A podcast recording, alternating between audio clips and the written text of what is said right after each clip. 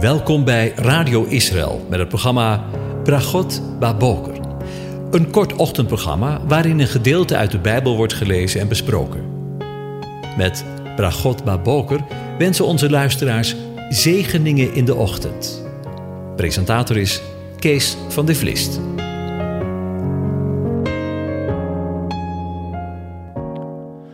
Hartelijk welkom, luisteraars. Vanmorgen wil ik met u begin maken met Psalm 2. Ik lees het aan je voor.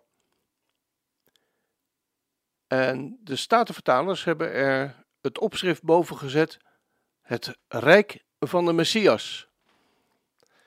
Waarom woeden de heiderenvolken en bedenken de volken wat zonder inhoud is? De koningen van de aarde stellen zich op en de vorsten spannen samen tegen de Heere en zijn gezalfde. Laten wij hun banden verscheuren en hun touwen van ons werpen. Die in de hemel woont zal lachen, de Heere zal hem bespotten. Dan zal hij tot hen spreken in zijn toorn, in zijn brandende toorn hun schrik aanjagen. Ik heb mijn koning toch gezalfd over Sion, mijn heilige berg. Ik zal het besluit bekendmaken.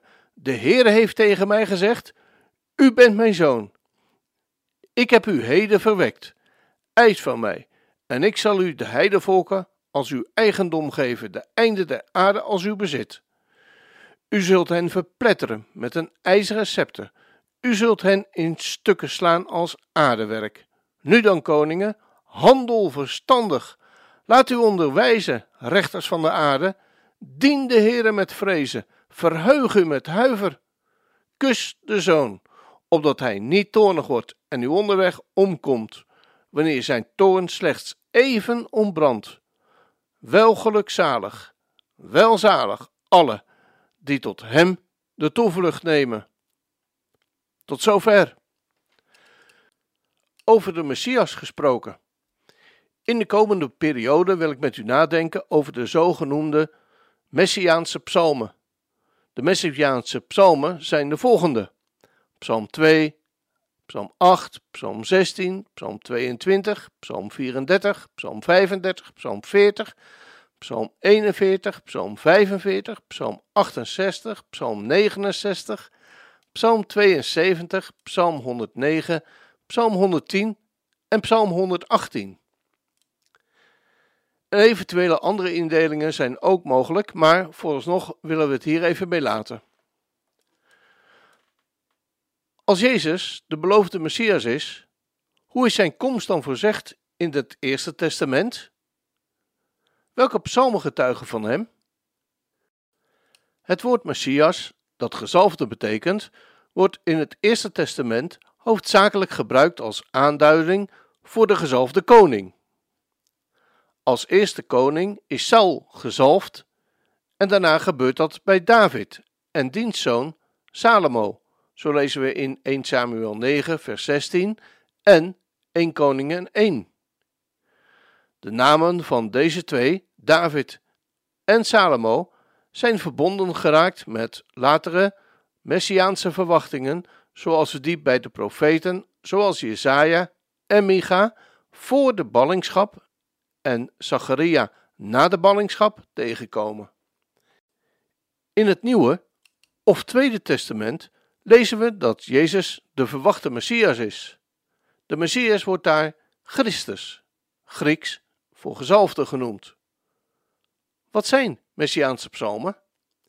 In het algemeen kan gezegd worden dat psalmen Messiaans zijn vanwege hun voorzeggingen, maar ook vanwege overeenkomsten met het leven, lijden en sterven van Jezus, Yeshua, en de overwinning daarna. In het laatste geval vervult de Messias wat de psalmdichter eerst heeft meegemaakt. Vervulling is meermalen het herhalen op een intensievere wijze wat vroeger is gebeurd. Psalm 2 wordt samen met Psalm 110 de meest geciteerd in het Nieuwe Testament en toegepast op Jezus, de Christus, de gezalfde, de Messias als de vervulling van de woorden uit de psalmen. Psalm 2, vers 1 en 2 worden bijvoorbeeld door Petrus aangehaald wanneer zij losgelaten worden na een hevige verhoring door het Sanhedrin. We lezen daarvan in Handelingen 4. Ik lees het aan je voor. En nadat zij losgelaten waren, gingen zij naar hun eigen mensen en berichtten alles wat de overpriesters en de oudsten tegen hen gezegd hadden. En toen zij dat gehoord hadden, verhieven zij eensgezind hun stem tot God en zeiden: Heere, u bent de God die hemel en aarde en de zee gemaakt heeft en alle dingen die erin zijn. En die hij bij monden van David, uw knecht, gezegd heeft. Waarom woeden de heidevolken en bedenken de volken wat inhoudsloos is? De koningen van de aarde stellen zich op en de vorsten spannen samen tegen de Heere en tegen zijn gezalfde. Want in waarheid tegen uw heilig kind Jezus, die u gezalfd hebt, zijn Herodes en Pontius Pilatus samen met de heidenen en de volken van Israël bijeengekomen, om alles te doen wat uw hand en uw raadsbesluit van tevoren bepaald had dat er gebeuren zou. Nu dan, heren, sla acht op hun bedreigingen en geef hun dienstknechten met alle vrijmoedigheid uw woord te spreken. Doordat uw hand uitgestrekt tot genezing en het tekenen en wonderen gebeuren door de naam van uw heilig kind Jezus. En toen zij gebeden hadden, werd de plaats waarin zij waren bewogen. En zij werden alle vervuld met Heilige Geest en spraken het woord van God met vrijmoedigheid. Tot zover. In deze verse zien we dat Psalm 2 door Petrus met alle vrijmoedigheid toegepast wordt op Herodes en Pontius Pilatus en de heidenen en de volken van Israël. En misschien ligt hier wel een les voor de tijd waarin wij leven. Zijn er in de tijd waarin wij leven ook geen tegenwoordige Herodes en Pontius Pilatus? De letterlijke betekenis van Herodes is helderzoon. Maar de Heer Jezus noemde hem de vos. Deze uitdrukking tekent zijn sluwheid. Zijn medestander in het kwaad was Pontius Pilatus. Hij, die, hoewel hij zijn handen in onschuld waste, de beslissing nam om Jezus te laten kruisigen en hem doden. We gaan weer terug naar Psalm 2, waar we in vers 7 lezen: U bent mijn zoon. En in Hebreeën 1, vers 5 wordt Psalm 2, vers 7 aangehaald. We lezen daar: Want wie van de engelen heeft God ooit gezegd: U bent mijn zoon, heden heb ik u verwekt? En verder: Ik zal voor hem tot een vader zijn, en hij zal voor mij tot een zoon zijn? En in Hebreeën 5, vers 5 lezen we: Zo heeft ook Christus zichzelf niet de eer gegeven om hoge priester te worden, maar hij, die hem heeft gesproken, tot hem heeft gesproken: U bent mijn zoon, heden heb ik u verwekt. En in vers 9 van Psalm 2 lezen we: U zult hem verpletteren met een ijzeren scepter. U zult hen in stukken slaan als aardewerk. In het boek Openbaring van Jezus Christus komen we een paar keer een aanhaling van dit vers tegen. De vrouw in de woestijn baart een zoon die alle heidenen hoeden zal met een ijzeren scepter. We lezen dat in Openbaring 12, vers 5. En zij baarden een zoon, een mannelijk kind, dat alle heidenvolken zal hoeden met een ijzeren staf. En in Openbaring 19, vers 15 lezen we over de overwinning van Christus, de Messias, op de valse profeet. En uit zijn mond kwam een scherp zwaard, opdat hij daarmee de heidevolken zou slaan. En hij zal hen hoeden met een ijzeren staf. Tja, als we om ons heen kijken, dan lijkt het erop dat wij christenen in deze tijd het onderspit delven. Dat we aan de verliezende hand zijn. Maar niets is minder waar. Want in dit verband lezen we in Openbaringen 2: En wie overwint En wie mijn werken tot het einde toe in acht zal nemen, hem zal ik macht geven over de heidevolken. Dit vers is een rechtstreekse aanhaling uit Psalm 2, vers 8. Eis van mij, en ik zal u de heidevolken tot uw eigendom geven, de einde der aarde als uw bezit. Met deze eerste inleidende woorden op de Messiaanse Psalm 2, die dus spreekt van de Messias, willen we deze morgen eindigen. Met het groot maken van de Heer. Want Hij leeft. We gaan luisteren naar opwekking 799 met de titel In eeuwigheid.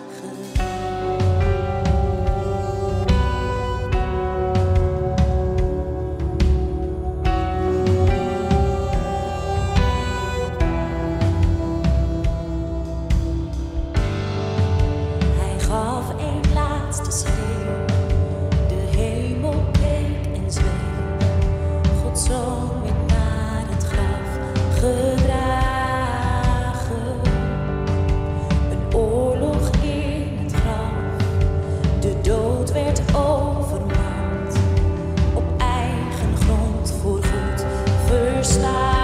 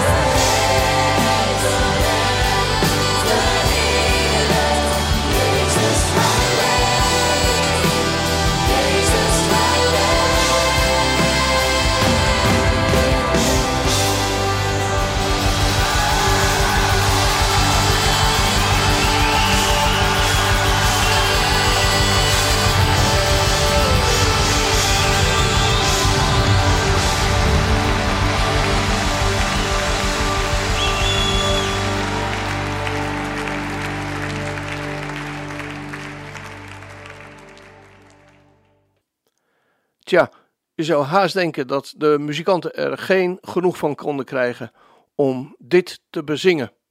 Want Jezus leeft in eeuwigheid, verrezen Heer, in heerlijkheid, verheven en verheerlijkt. Jezus, Hij leeft. Dit programma heet Bragot Baboker, wat betekent zegeningen in de ochtend. Nou, als we datgene wat we zojuist allemaal gehoord hebben, eh, als dat geen zegen is, ik wens je een van God gezegende dag toe.